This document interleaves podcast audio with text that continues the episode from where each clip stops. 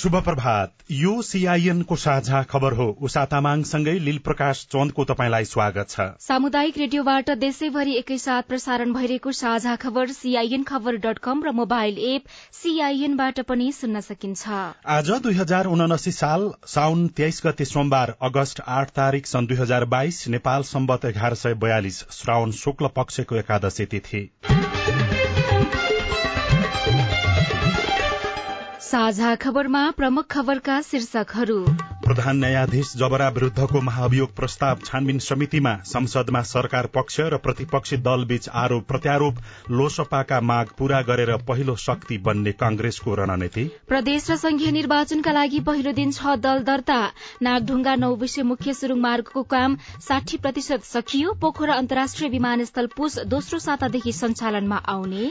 Banking कसुरका उजुरी बढ़दै नब्बे प्रतिशत धान रोपाई सकियो। मर्यादा मिलाउने नाममा सरकारी कर्मचारी कर्मचारीको तलब वृद्धिको प्रयास? भारतको नयाँ दिल्लीमा कोरोना संक्रमणको दर दस दिनमा दुई गुणाले बढ़्यो। एकछिन नीतिप्रति मालदिप्स प्रतिबद्ध क्युबाको तेल भण्डारण केन्द्रमा चट्याङ पर्दा सत्र जना बेपत्ता। र बंगलादेश विरूद्धको तीन खेलको एक दिवसीय श्रृंखला जिम्बाब्वेलाई इंग्लिश प्रिमियर लीग फुटबलमा म्यान्चेस्टर सिटीको विजयी शुरूआत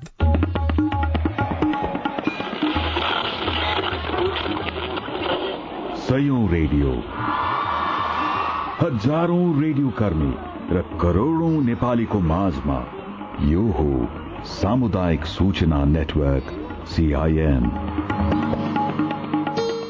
साझा खबरको सबैभन्दा शुरूमा प्रधान न्यायाधीश जबरा विरूद्धको महाभियोग प्रस्ताव छानबिन समितिमा पठाइएको प्रसंग झण्डै छ महिनापछि प्रधान न्यायाधीश चोलेन्द्र शमशेर जबरा विरूद्धको महाभियोग प्रस्ताव समितिमा पठाइएको छ।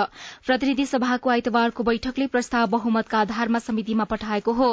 अब समितिले कार्य प्रारम्भ गरेको तीन महिनाभित्र महाभियोग लाग्ने वा नलाग्ने निर्क्योल सहितको प्रतिवेदन सभालाई दिनुपर्नेछ। सत्ता गठबन्धनमा आबद्ध अन्ठानब्बे सदस्यको हस्ताक्षरमा फागुन एक गते नै प्रस्ताव दर्ता भए पनि प्रक्रिया भने अगाडि बढ़ेको थिएन। राजनीतिक सहमति नहुँदा प्रस्ताव प्रतिनिधि सभामा पेश गर्न समेत लामो समय पर्खनु परेको थियो। फागुन बाइस गते प्रस्ताव पेश गर्दै एघार सदस्यीय सिफारिश समिति पनि प्रतिनिधि सभाले गठन गरेको थियो। हिज प्रस्तावमाथि छलफल गरेपछि सभामुख अग्निप्रसाद सापकोटाले राखीको महाभियोग सिफारिश समितिमा पठाउने प्रस्ताव प्रतिनिधि सभाबाट बहुमतले पारित भएको हो।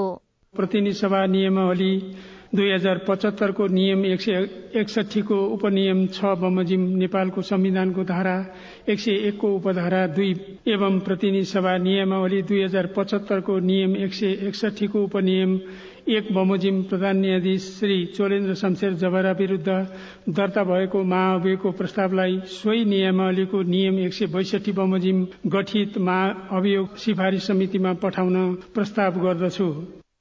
महाभियोग प्रस्तावमाथिको छलफलमा भाग लिँदै सत्ता पक्ष र प्रतिपक्षका सांसदहरूले आ आफ्नै पार्टीको एजेण्डा अनुसार धारणा राखेका थिए। माओवादी केन्द्रका सांसदहरूले प्रधान न्यायाधीश जबरामाथिको महाभियोगका सम्बन्धमा प्रश्न नबोलेको भन्दै प्रमुख विपक्षी नेकपा एमालेमाथि प्रश्न उठाएका छन्। माओवादी केन्द्रका सांसद हरिबोल गजुरेल सांसद अञ्जना विसंखेले महाभियोग प्रस्तावमाथिको छलफल अगाडि बढ़ाउनमा ढिलाइ भएको स्वीकार गर्दै ढिलो हुनुको कारण खोतल्न आवश्यक नरहेको बताउनुभयो। कांग्रेसका सांसदहरूले पनि जबरामाथिको महाभियोग समयमै अगाडि बढ़न नसक्नुमा प्रमुख प्रतिपक्षी दल नेकपा एमाले नै जिम्मेवार भएको आरोप लगाएका छन्। कांग्रेस सचेतक मीन विश्वकर्माले संसदले नौ महिनासम्म अवरोध झेल्नु परेको र संसदको अवरोध खुलेपछि संसदको ध्यान बजेटमा केन्द्रित भएको उल्लेख गर्दै अनुकूल समयमा महाभियोग अगाडि बढ़ेको दावी गर्नुभयो। नौ महिनासम्म हामीले संसद सुचारू रूपले सञ्चालन गर्न सकेनौं। त्यसपछि लगत्तै बजेट आयो। त्यसपछि लगतै निर्वाचनमा जानु पर्यो। हामीले यसमा सकभर राष्ट्रिय सहमति खोजौँ भन्ने प्रयास गर्यौं। राष्ट्रिय सहमतिको प्रयास गरेर नै महाभियोग प्रस्ताव सिफारिस समिति गठन गर्न हामी सफल भयौं र आज त्यो सिफारिस समिति बनेको छ। यस्तो किसिमको विकृति विसंगतिको चाङमा उभिएका प्रधान न्यायाधीशलाई निलम्बन गरिएको छ र निलम्बित प्रधान न्यायाधीशको बारेमा अब सिफारिस समितिले उपयुक्त सिफारिस गरेर यो महाभियोग प्रस्ताव पास गर्नुपर्दछ। प्रमुख प्रतिपक्षी नेकपा एमालेका सांसदहरूले भने चुनावको मिति घोषणा भएको अवस्थामा प्रधान न्यायाधीश सोलेन्द्र शमशेर जबरामाथिको महाभियोग प्रस्ताव अगाडि बढ़ाउन नैतिक प्रश्न रहेको टिप्पणी गरेका छन्। एमालेका तर्फबाट सांसद खगराज अधिकारी एमालेकै सांसद महेश बस्नेतले पनि सत्ता टिकाउने नियतका साथ महाभियोग प्रस्ताव ल्याइएको र अहिले अगाडि बढ़ाउँदा पनि सत्ता जोगाउने कुरा मात्रै त होइन भन्ने प्रश्न उब्जिएको बताउनुभयो।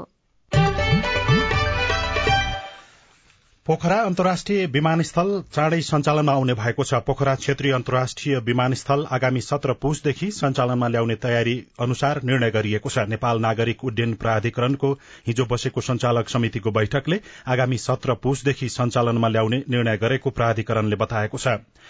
बैठकमा विमानस्थल सञ्चालनमा आएसँगै नेपालमा अन्तर्राष्ट्रिय विमानस्थलको संख्या तीन पुग्ने बारेमा छलफल भएको थियो।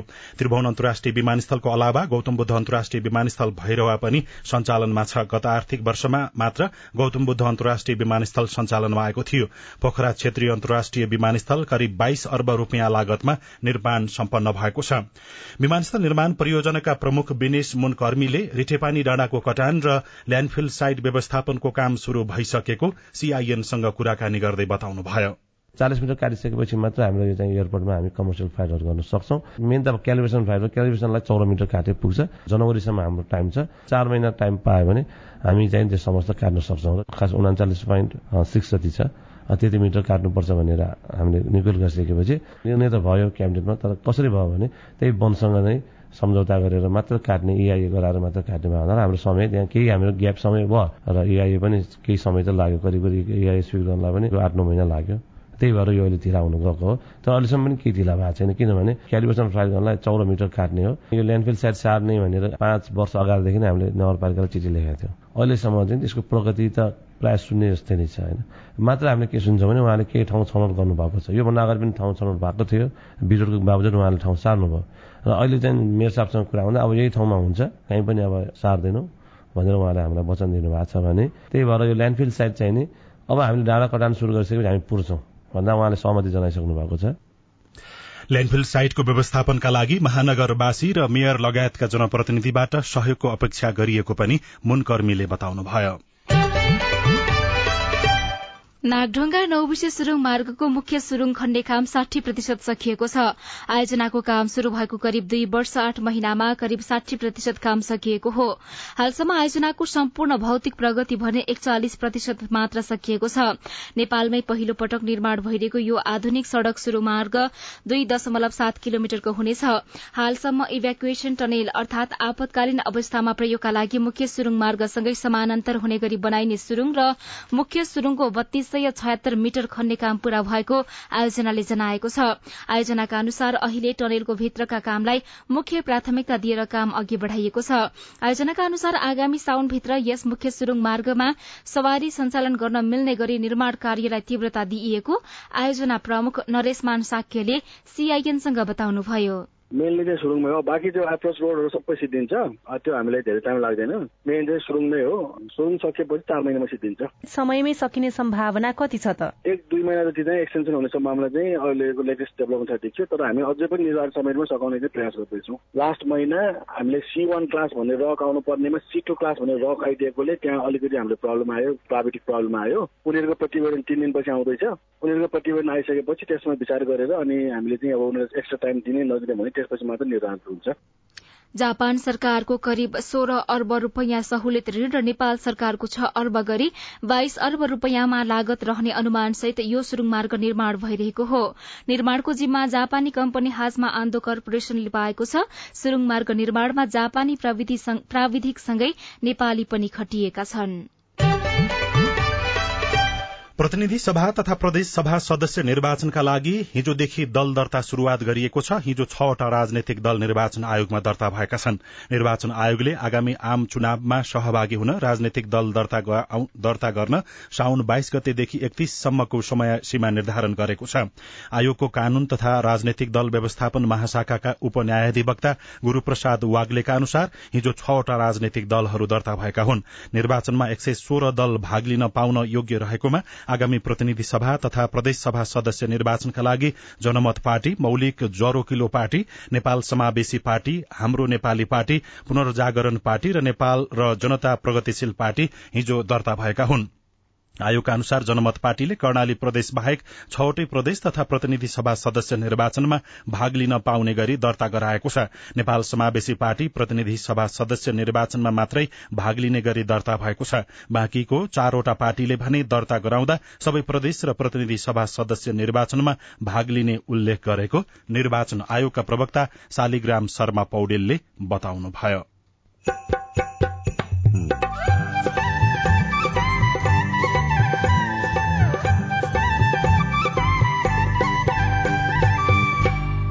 सामुदायिक सूचना नेटवर्क सीआईएन मार्फत देशभरि प्रसारण भइरहेको साझा खबरमा ताइवान र चीनबीचको लड़ाईले विश्व बजारमा कस्तो प्रभाव पार्ला?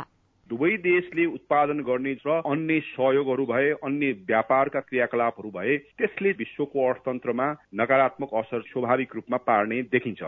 लोसपाका माग पूरा गरेर पहिलो शक्ति बन्ने कांग्रेसको रणनीति बैंकिङ कसुरका उजुरी बढ़दै नब्बे प्रतिशत धान रोपाई सकियो लगायतका खबर बाँकी नै छन्। सीआईएनको साझा खबर सुन्दै गर्नुहोला।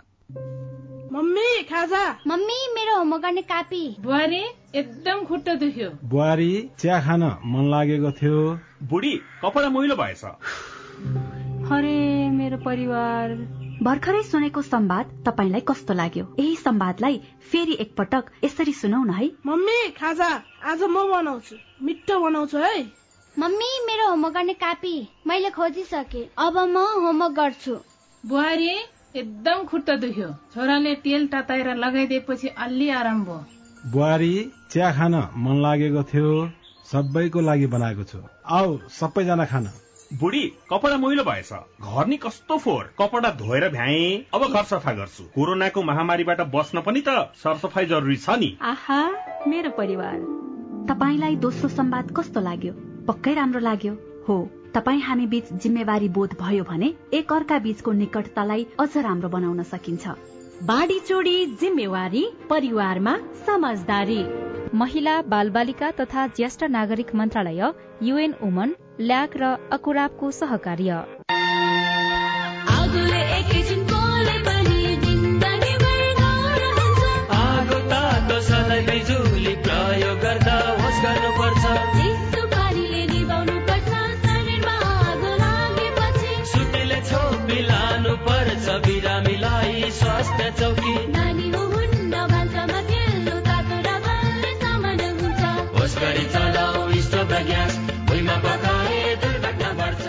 अग्निजन्य दुर्घटना भएमा शून्य एक पचपन्न पचपन्न छ आठ नौमा सम्पर्क गर्नुहोस्। बीबीएस नेपाल ललितपुर।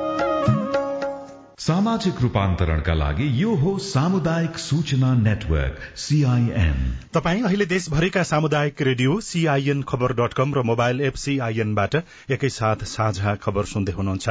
अब बाँकी खबर। पछिल्लो केही वर्ष यता ब्याङ्किङ कसुर सम्बन्धी उजुरी बढ़दै गएको नेपाल प्रहरीले जनाएको छ। केही वर्ष अघि सयको संख्यामा उजुरी आउने गरे पनि पछिल्लो केही वर्ष यस्तो उजुरीको संख्या हजारमा पुगेको छ। नेपाल प्रहरीका अनुसार आर्थिक वर्ष दुई हजार चौहत्तर पचहत्तरमा सात सय छ्यात्तरवटा ब्याङ्किङ कसुर सम्बन्धी उजुरी परेको थियो। तर पाँच वर्षपछि अर्थात आर्थिक वर्ष दुई हजार अठहत्तर उनासीमा मात्रै चार हजार पाँच सय छ्यात्तर ब्याङ्किङ कसुर सम्बन्धी उजुरी प्रहरीकोमा दर्ता भएको छ। यसरी दर्ता हुने उजुरी मध्ये अस्सी प्रतिशत भन्दा बढ़ी चेक बााउन्सको हुने गरेको नेपाल प्रहरीका केन्द्रीय प्रवक्ता टेक प्रसाद राईले सीआईएनलाई जानकारी दिनुभयो। यसैबीच चेक बााउन्सको मुद्दा अब ब्याङ्किङ कसुर अन्तर्गत पर्ने भएको छ। चेक बााउन्सको मुद्दा ब्याङ्किङ कसुर अन्तर्गत नपर्ने भनी तीन वर्ष अघि गरेको फैसलालाई सर्वोच्च अदालतको पूर्ण इजलासले सच्याएपछि चेक बााउन्सको मुद्दा ब्याङ्किङ कसुर अन्तर्गत पर्ने भएको हो। अब ब्याङ्किङ कसुर हुन खातामा भएको भन्दा बढ़ी रकमको चेक काटिदिएर त्यसको भुक्तानी हुन जरूरी नहुने र त्यस्तो चेक काटिदिए मात्रै पनि ब्याङ्किङ कसुर हुने भएको हो। सर्वोच्च अदालतको पुरानो फैसला बदर गर्ने पूर्ण इजलासको फैसलाको पूर्ण पाठ आउन बाँकी छ। अब आज काठमाडौँबाट प्रकाशित पत्र पत्रिकाको खबर। नयाँ पत्रिका दैनिकमा कांग्रेसको नजर मधेसमा। पहिलो शक्ति बन्न लोसपासँग सहकार्य शीर्षकमा केशव प्रसाद पाण्डेले लेख्नु भएको छ। पाँच दलीय गठबन्धनभित्र चार दलले उपगठबन्धन बनाउने गृह कार्य गरेपछि नेपाली कांग्रेसले पनि मधेस प्रदेशका लागि अलग्गै मोर्चाको तयारी शुरू गरेको छ। प्रधानमन्त्री एवं कांग्रेस सभापति शेरबहादुर देउवाले लोसपासँग संघीय र प्रदेश निर्वाचनमा तालमेलको प्रस्ताव गर्नुभएको हो। बालुवाटारमा हिजो भएको छलफलमा प्रधानमन्त्री देउवाले नेताले लोसपासँग तालमेलको औपचारिक प्रस्ताव गर्नुभएको हो। प्रस्ताव सकारात्मक रहेको तथा दुई दलबीच तालमेलको सम्भावना पनि रहेको लोसपाका नेताहरूले बताएका छनृ। अर्को खबर छात्रवृत्तिमा चिकित्सा शिक्षा पढेकालाई पालिकाका आधारभूत अस्पतालमा खटाइने शीर्षकमा भवानीश्वर गौतम लेख्नुहुन्छ। चिकित्सा शिक्षा ऐनको कार्यान्वयन भएसँगै सरकारले चिकित्सा शिक्षाको स्नातक तहमा मात्रै प्रत्येक वर्ष दुई हजारलाई छात्रवृत्ति दिन शुरू गरेको छ। छात्रवृत्तिमा अध्ययनका गरेका विद्यार्थीले एउटा स्थानीय तह उत्तीर्ण यसलाई फेरि सुन्नुहोस्। छात्रवृत्तिमा अध्ययन गरेका विद्यार्थीले एउटा तह उत्तीर्णपछि सरकारी स्वास्थ्य संस्थामा सेवा गर्नुपर्ने भएको छ। मर्यादा क्रम मिलाउने नाममा सरकारले बजेटमा घोषणा गरे भन्दा बढ़ी तलबमानको प्रस्ताव गरेको छ। अर्थ मन्त्रालयले अन्तिम निर्णयका लागि मन्त्री परिषदमा पठाएको प्रस्तावित तलबमान अनुसार अधिकृतदेखि सचिवसम्मको तलब चौविस प्रतिशतसम्मले बढ़ेको पाइएको हो। जबकि गत जेठ पन्ध्रमा सार्वजनिक गरिएको चालू आर्थिक वर्ष दुई हजार उनासी अस्सीको बजेटमा साउन एक गतेदेखि लागू हुने गरी सबै सरकारी कर्मचारीको तलब पन्ध्र प्रतिशतले मात्र बढ़ाइएको थियो। अर्थ मन्त्रालयले पठाएको प्रस्ताव अनुसार शाखा अधिकृतको सबैभन्दा धेरै चौविस दशमलव दुई छ प्रतिशतले तलबमान वृद्धि भएको छ। जस अनुसार शाखा अधिकृतले अहिले शुरू स्केलको तलबका रूपमा सड़तीस हजार नौ सय नब्बे रूपियाँ पाइरहेकोमा बढ़ेपछि सड़चालिस हजार दुई सय आठ रूपियाँ पाउने भएका छन्। मर्यादा मिलाउन तलब वृद्धि विश्वास रेग्मीले गोर्खापत्र दैनिकमा खबर लेख्नु भएको छ। अर्को खबर गोर्खापत्र दैनिकबाटै हामीले लिएका छौं। हालसम्म नब्बे प्रतिशत धान रोपाई सम्पन्न भएको छ। कृषि विभागका अनुसार प्रदेश एकमा अठासी प्रतिशत र मध्य प्रदेशमा उनानब्बे प्रतिशत बागमती प्रदेशमा त्रियानब्बे प्रतिशत गण्डकी प्रदेशमा छ्यानब्बे प्रतिशत लुम्बिनी प्रदेशमा पचासी प्रतिशत कड़ाली प्रदेशमा अठहत्तर प्रतिशत र सुदूरपश्चिम प्रदेशमा उनासय दशमलव दुई प्रतिशत रोपाई सकिएको छ। गत वर्ष यो बेला पञ्चानब्बे प्रतिशत रोपाई भइसकेको थियो। अन्नपूर्ण पोस्ट दैनिकमा भने महँगी अचाकली शीर्षकमा प्रमुख खबर छ एक दुई रूपियाँको नोट भेट्न आजकल मुस्किल पर्छ। छाप्न बन्द गरेको करिब दुई दशक भयो। नोट हराएपछि त्यसको सट्टा सिक्का चलाउने नीति लिइयो तर ती सिक्का पनि मन्दिरमा सीमित हुन थालेका छन्। बजार मूल्य बढ़दा यस्ता नोट र सिक्काको चर्चा छैन। बीस रूपियाँ घटी त कुनै तरकारी पनि आउन छोड्यो। विभिन्न वाहनामा हरेक वस्तुको मूल्य अचाकली बढ़ाइएको छ। अनुगमन छैन। सरकारले व्यावहारिक अर्थतन्त्रको निर्माण तथा उपभोक्ता हितका लागि काम नगर्दा महँगीले नागरिकको ढाड सेकिसकेको छ। पेट्रोलियम पदार्थको भाव अन्तर्राष्ट्रिय स्तरबाट घटेर आएको छ तर आयल निगमले घाटा पूर्ति गर्नुपर्ने भन्दै अझै नेपालमा त्यसको मूल्य नघटाउने बताइरहेको छ। कान्तिपुर दैनिकमा किन जाग्यो जबराको मुद्दा शीर्षकमा खबर छ छानबिन समितिको म्याद कार्तिक अन्तिमसम्म हुनेछ भने संसदको कार्यकाल असोजमै सकिनेछ तर सत्ता पक्षले रहस्यमय खेल अघि बढ़ाएको भनेर टिप्पणी गरिएको छ। भित्री पन्नामा भने वैदेशिक रोजगारीमा मनोसामाजिक परामर्शको खाँचो शीर्षकमा विद्या राई लेख्नुहुन्छ वैदेशिक रोजगारीबाट प्राप्त हुने रेमिट्यान्सले परिवारको जीवनशैली सहज बनाए पनि बढ़दो मनोसामाजिक समस्याले पारिवारिक तथा सामाजिक पाटो झनझन जोखिम र चुनौतीपूर्ण बन्दै गएको छ। साझा खबरमा अब प्रश्नोत्तर श्रृंखला प्रस्तुत गर्दै हुनुहुन्छ सजना तिमल सिन्हा। नमस्कार म पर्वत बेहे टिङ बहादुर। मलाई चाहिँ इङ्ग्लिस विषय लागेको छ। मैले चाहिँ यो इङ्ग्लिस वृद्धिको परीक्षा नदिए चाहिँ पछि असर गर्छ होला। तपाईँको जिज्ञासा मेटाउँदै हुनुहुन्छ राष्ट्रिय परीक्षा बोर्ड अन्तर्गत कक्षा दसको परीक्षा उपनियन्त्रक भक्त गोदार। उहाँले ग्रेड वृद्धिमा समावेश भएर अब म सी प्लस कटाउँछु म म्याथ साइन्स पढ्छु भन्यो भने पनि त्यो विकल्प पनि भयो। यदि म होइन म परीक्षा दिन म अन्य विषय पढ्छु भन्न पनि पाउनुभयो नमस्कार म ओखलढुङ्गा सिनपा दुई ठुला सापबाट गोविन्दीको मेरो चाहिँ जन्मदर्ता हराएको छ। उक्त जन्मदर्ता मैले पुनर्निर्माण गर्न सक्छु सक्दिनँ अथवा त्यसका लागि के गर्नु पर्ला तपाईँको समस्या समाधान कसरी हुन्छ? हामीले वडा नम्बर दुईका सचिव अन्जु कटुवाललाई सोधेका छौं। पाइन्छ। यसको लागि चाहिँ अब बुबा आमाको नागरिकताको फोटोकपी र अब पहिलेसम्म छ फोटोकपीहरू केही भएछ भने नत्र अरू पर्ने छैन। अब खाने तहको चाहिँ आर्थिक अनुसारको रकम चाहिँ तिर्नुपर्छ। मेरो नाम भाग बहादुर सिंह नेपालगञ्ज कोरेनपुरबाट नेपालमा कुखुरा नभएर हो कि राति राति र बिहान पख भन्सार खुल्ला हुने कारणले हो कि के हो यो बिहान पख इन्डियाबाट कुखुरा सबै आइरहन्छ कपडा आइरहन्छ। रातिमा मात्र खुल्ला दिनमा भन्सार टाइट हो कि के हो? जवाफ दिँदै हुनुहुन्छ नेपालगञ्ज भन्सार कार्यालयका प्रमुख अर्जुन कुमार नेउपाने। राति चाहिँ अब सीमित संख्यामा सुरक्षा कर्मी र हाम्रो कर्मचारीहरू हुन्छन् होइन? बोर्डरहरू क्रस गरेर त्यसरी माल वस्तुहरू राति ल्याउन हामीले दिने गरेको छैन। त्यसरी चाहिँ राति कसैले माल वस्तुहरू ल्याएर छोडेको गरेको छ भनेदेखि चाहिँ नि त्यो चाहिँ पछि हाम्रो जानकारीमा पनि रहन्छ। म बाँके जिल्ला राप्ती सोनारीदेखि शिला बुढाथोकी हो। वैदेशिक रोजगारमा जान चाहन्छु। महिलाहरूको लागि कुन देशमा जाँदा राम्रो हुन्छ र के के प्रक्रिया पुर्याएर जानुपर्छ? तपाईँको जिज्ञासा मेटाइदिनका लागि हामीले वैदेशिक रोजगार विभागका सूचना अधिकारी कृष्ण प्रसाद भूषाललाई अनुरोध गरेका छौँ। बुझ्नुपर्ने कुरा के हो भन्दा पहिला चाहिँ टिप सिकेर जुनसुकै देशमा गए पनि हुन्छ र जानुभन्दा अगाडि भर्खर मेन पावर कम्पनीबाट अब टर्म स्वीकृति लिएर र अन्य सबै प्रक्रिया पुरा जानुभयो भने त्यहाँ गइसकेपछि तपाईँलाई दुःख हुँदैन धोका पाउनुहुन्न। तपाईँ जुनसुकै बेला हाम्रो टेलिफोन नम्बर शून्य एक बान्न साठी छ चार छमा फोन गरेर आफ्नो प्रश्न जिज्ञासा गुनासा तथा समस्या रेकर्ड गर्न सक्नुहुनेछ। साझा खबरमा अब विदेशको खबर। भारतको राजधानी नयाँ दिल्लीमा दश दिनमा कोरोना संक्रमणको दर दुई गुणाले बढ़ेको छ। दिल्ली सरकारको स्वास्थ्य मन्त्रालयका अनुसार पछिल्लो समय दैनिक दुईदेखि तीन हजारका दरले कोरोना संक्रमित थपिन थालेका छन् भने तीनदेखि पाँचजनाको दरले मृत्यु हुने गरेको छ। पछिल्लो छ महिनादेखि दुई प्रतिशत रहेको संक्रमण दर पनि अहिले पन्ध्र प्रतिशतमा पुगेको छ। दिल्ली बाहेक अन्य राज्यमा पनि कोरोना संक्रमणको दर बढ़दै गएको भारतीय संचार माध्यमहरूले उल्लेख गरेका छनृ। क्यूबाको मातान्जास शहर स्थित तेल भण्डारण केन्द्रमा चट्याङ लागेर आगलागी हुँदा एकजनाको मृत्यु भएको छ। सत्र जना बेपत्ता भएका छन् भने एक सय एक्काइस जना घाइते भएका छन्। ऊर्जा तथा खानी मन्त्रालयका अनुसार बेपत्ता भएकाहरूको खोजी कार्य भइरहेको छ भने मृत्यु हुनेको संख्या बढ़न सक्ने अनुमान गरिएको छ। र मालदिप्स सरकारले एक चीन नीतिप्रति आफू प्रतिबद्ध रहेको दोहोर्याएको छ।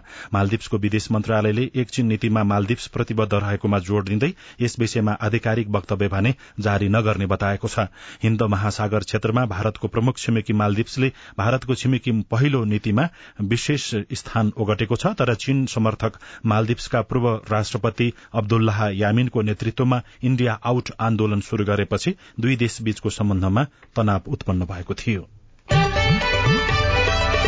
साझा खबरमा अब खेल खबर। बंगलादेश विरूद्धको तीन खेलको एक दिवसीय सिरिज जिम्बावेले एक खेल अगावै जितेको छ। हरारेमा हिजो भएको दोस्रो एक दिवसीयमा बंगलादेशलाई पाँच विकेटले पराजित गर्दै घरेलु टोलीले सिरिज दुई शून्यले जितेको हो। बंगलादेशले दिएको दुई सय एकानब्बे रनको लक्ष्य जिम्बावेले सड़चालिस ओभर तीन बलमा पाँच विकेट गुमाएर पूरा गर्यो। दुई टोली बीचको तेस्रो तथा अन्तिम एक दिवसीय पर्सी हुनेछ। र साविक विजेता म्यान्चेस्टर सिटीले इंग्लिश प्रिमियर लीग फुटबलमा विजयी शुरूआत गरेको छ। गैराती भएको खेलमा वेस्ट ह्याम युनाइटेडलाई दुई शून्य गोल अन्तरले हराउँदै सिटीले नयाँ सिजनको सुखद शुरूआत गरेको हो। ताइवान र चीनको द्वन्द अनि यसको सम्भावित प्रभाव रेडियो रिपोर्ट अरू खबर र कार्टुन पनि बाँकी नै छ। सीआईएनको साझा खबर सुन्दै गर्नुहोला। नेपाल टेलिकमको सूचनाको संसार। होइन के सुनेको यस्तो ध्यान दिएर दोहोरो बोलेको जस्तो नि देख्दिन। तीन दुई एक शून्य शून्य क्या? तीन दुई एक शून्य शून्य? के हो त्यो भने? बुझिन त। ल सुन एनटिसी प्रयोगकर्ताहरूले आफ्नो मोबाइल तथा ल्यान्डलाइनमा तीन दुई एक शून्य शून्य डायल गरी समाचार रेडियो कार्यक्रम खेल र अन्य विषय बारे सन्देशहरू जुनसुकै बेला निशुल्क सुन्न सक्छन्। ओहो निशुल्क? कस्तो सजिलो। समाचार सुन्न छुट्यो भनेर पिर लागेको थियो। अब त म पनि सुनिहाल्छु। कति रे? तीन दुई एक शून्य शून्य। सामाजिक रूपान्तरणका लागि यो हो सामुदायिक सूचना नेटवर्क सीआईएन साझा खबरमा अब ताइवान र चीनबीच उत्पन्न विवाद र त्यसले पर्ने प्रभावको कुरा। ताइवान एक यस्तो मुलुक हो जसलाई लिएर विश्वका दुई शक्तिशाली राष्ट्र अमेरिका र चीनबीच तनाव हुँदै आएको छ। आफ्नो शक्ति देखाउन बेला मौकामा यी दुई मुलुकको बीच हुँदै आएको वाक युद्ध पछिल्लो समय भौतिक युद्धमा परिणत भएको छ। पछिल्लो समय ताइवानलाई लिएर अमेरिका र चीनबीच विवाद शुरू भएसँगै चीनले ताइवानमाथि मिसाइल आक्रमण नै गरिसकेको छ। गत बिहिबार चीनले ताइवानको उत्तर पूर्व र दक्षिण पश्चिम सीमा नजिकै मिसाइल आक्रमण गर्यो। कारण थियो अमेरिकी संसदका सभामुख न्यान्सी पेलोसीको ताइवान भ्रमणको विरोध गर्नु। पेलोसी ताइवानको राजधानी ताइपेई पुगेको केही घण्टामै चीनको तर्फबाट मिसाइल आक्रमण भयो। ताइवानले चीनको आक्रमणको नतिजा दुर्भाग्यपूर्ण हुने बताइसकेको छ। म जोड दिन चाहन्छु कि द्वन्द वा विवादलाई हामी उक्साउने छैनौं। हामी दृढताका साथ हाम्रो सार्वभौम सत्ता र राष्ट्रिय सुरक्षाको रक्षा गर्नेछौ तर हामीलाई कमजोर ठानेर आक्रमण गर्नेले नतिजा नराम्रो भोग्नु पर्नेछ ताइवान सीमा आसपास चीनले गरेको मिसाइल प्रहारलाई विश्व समुदायले शान्ति सम्झौता विरूद्ध हो भनेको छ। दोस्रो विश्व युद्धपछि ताइवान र चीन सन् उन्नाइस सय उनपचासमा अलग भए। ताइवान आफूलाई स्वतन्त्र मुलुकको रूपमा विश्व सामु प्रस्तुत गर्छ तर उसले आधिकारिक रूपमा स्वतन्त्र राष्ट्र भने घोषणा गरिसकेको छैन। यस मुद्दामा संयुक्त राष्ट्र संघको उन्नाइस सय एकहत्तरको महासभामा भएको विषयमा नै प्रतिबद्ध हुनुपर्छ जसले सत्ताइस सय अन्ठाउन्नको नीतिलाई निर्देशित गर्छ र त्यो भनेको एक चीन नीति हो। चीन र ताइवान छुट्टिनु अघि चीनको मुख्य भूमिमा चिनिया कम्युनिष्ट पार्टी र सत्ताधारी नेशनलिस्ट पार्टी कुओमिङताङ बीच लड़ाई थियो। माओत्से तुङको नेतृत्वमा चिनिया कम्युनिष्ट पार्टीले राजधानी बेइजिङ कब्जा गरेपछि कुओमिङताङ दक्षिणी पश्चिमी टापु ताइवान पुगेर शासन गर्न थाल्नुभयो। ताइवान र चीन बीचको तनावले विश्व राजनीतिमा कस्तो प्रभाव पर्छ? चीन मामिलाका जानकार डाक्टर टङ्क कार्की। छिमेकी मुलुक गाँसिएर त्यो माथि आइपर्ने होइन त्योसँग संलग्न भएर हुने झडपहरूका असरहरू त निसन्देह हामीलाई आर्थिक कोणबाट व्यापारिक कोणबाट विभिन्न हिसाब किताबले त्यसका असरहरू त पर्लान् नै। चीनको मुख्य भूमिको दक्षिण पूर्वी किनार भन्दा करिब एक सय बीस किलोमिटर दूरीमा छ ताइवान। लन्डनको किङ्स कलेजमा रक्षा अध्ययन विभागका प्राध्यापक डाक्टर जेनो लियोनीका अनुसार जापानको दक्षिणी क्षेत्र ताइवान फिलिपिन्स हुँदै दक्षिण चीन सागरसम्म पुग्ने समुद्री किनार छ। त्यसकारण ताइवानमाथि अमेरिका र चीनको चासो बढ़दो छ। के अमेरिका र चीन युद्ध स्तरमा आम्ने सामने होलान्? फेरि डाक्टर कार्की। चीन र अमेरिकाको जुन झगडा हो त्यो झगडा उदयमान राष्ट्र र उसको मात्र होइन कि अब पश्चिमाहरू त भनिरहेछन् डेमोक्रेसी भर्सेस अटोक्रेसीको जुन लडाई यो विचारधाराको लडाईँलाई केन्द्रमा राखेर लड्ने युग सकियो जस्तो लाग्छ। साझा विश्व समस्या जुझ्ने गरिकन त्यो ठाउँमा आउनुपर्छ। विचारधाराको लडाईँलाई फरेन पोलिसीमा गाँसेर जाने जुन हरकत भइरहेछ त्यो गलत छ जस्तो लाग्छ। युक्रेन र रुस बीचको युद्धमा अमेरिकाले युक्रेनलाई प्रत्यक्ष अनि चीनले अप्रत्यक्ष रूपमा रूसको पक्ष लिएको छ। यदि ताइवान र चीन बीच युद्ध भयो भने विश्व अर्थतन्त्रमा युक्रेन अनि रूस बीचको युद्धको भन्दा धेरै नकारात्मक प्रभाव पर्ने टिप्पणी गर्नुहुन्छ एकजना अर्थविज्ञ प्राध्यापक डाक्टर रघुराम विष्ट। विश्वव्यापीकरणमा चीनको बजार करिब करिब पैंसठी प्रतिशतको हाराहारीमा रहिआएको छ। चिप्स सबैभन्दा बढी ताइवानले उत्पादन गर्छ र दुवै देशले उत्पादन गर्ने र अन्य सहयोगहरू भए अन्य व्यापारका क्रियाकलापहरू भए त्यसले विश्वको अर्थतन्त्रमा एकदमै ठूलो आघात पुग्न सक्ने सम्भावना देख्छु। विश्व बजारमा पुग्ने जति पनि विद्युतीय उपकरण छन् त्यसमा राखिएका चिप ताइवानले बनाउँछ भने विश्वको आधा भन्दा बढ़ी विद्युतीय बजार चीनले ओगटेको छ। ताइवानले विद्युतीय उपकरणमा प्रयोग हुने चिपको निर्यातबाट मात्रै सन् दुई हजार एक्काइसमा करिब त्रिपन्न अर्ब डलर आमदानी गरेको थियो भने चीनले विश्व अर्थतन्त्रको झण्डै पैसठी प्रतिशत भाग ओगटेको छ। स्नेहा कर्ण सीआईएन काठमाडौँ। रिपोर्टसँगै हामी साझा खबरको अन्त्यमा आइपुगेका छौं। सामुदायिक रेडियो प्रसारक संघद्वारा संचालित सीआईएनको बिहान छ बजेको साझा खबर सक्नु अघि मुख्य मुख्य खबर फेरि एकपटक। प्रधान न्यायाधीश जबरा विरूद्धको महाभियोग प्रस्ताव छानबिन समितिमा संसदमा सरकार पक्ष र प्रतिपक्षी दलबीच आरोप प्रत्यारोप लोकसभाका माग पूरा गरेर पहिलो शक्ति बन्ने कांग्रेसको रणनीति। प्रदेश र संघीय निर्वाचनका लागि पहिलो दिन छ दल दर्ता नागढुङ्गा नौविषय मुख्य सुरुङ मार्गको काम साठी प्रतिशत सकियो पोखरा अन्तर्राष्ट्रिय विमानस्थल पुष दोस्रो सातादेखि सञ्चालनमा आउने। ब्याङ्किङ कसुरका उजुरी बढ़दै नब्बे प्रतिशत धान रोपाई सकियो मर्यादा मिलाउने नाममा सरकारी कर्मचारीको तलब वृद्धिको प्रयास। भारतको नयाँ दिल्लीमा कोरोना संक्रमणको दर दश दिनमा दुई गुणाले बढ़्यो। एकछिन नीतिप्रति मालदिप्स प्रतिबद्ध। क्युबाको तेल भण्डारण केन्द्रमा चट्याङ पर्दा सत्र जना बेपत्ता। र बंगलादेश विरूद्धको तीन खेलको एक दिवसीय सिरिज जिम्बावेलाई इंग्लिश प्रिमियर लीग फुटबलमा म्यान्चेस्टर सिटीको विजयी शुरूआत साझा खबरको अन्त्यमा कार्टुन कार्टुन हामीले कान्तिपुर दैनिकमा अबिनले बनाउनु भएको गजब छबास शीर्षकको कार्टुन लिएका छौं। व्यङ्ग्य गर्न खोजिएको छ नेपाल आयल निगमलाई। अहिले अन्तर्राष्ट्रिय स्तरमा आयल निगम यो विभिन्न इन्धनको भाव घटेर आइसकेको छ तर दुई पटक घटेर आउँदाखेरि पनि निगमले घटाएको छैन। यहाँ नेपाल आय निगम लेखिएको छ बोर्डमा र त्यो बोर्डको तलपट्टि एउटा झ्याल छ। झ्यालबाट ठूलो भुँडी भएका व्यक्तिले हात निकालेर नजिकै रहेका एकजना दुब्ला ख्याउटे व्यक्तितर्फ देखाउँदै केही भनिराखेका छन् तल चाहिँ यस्तो लेखिएको छ। तेलको भाउ कहिले घटाउने रे?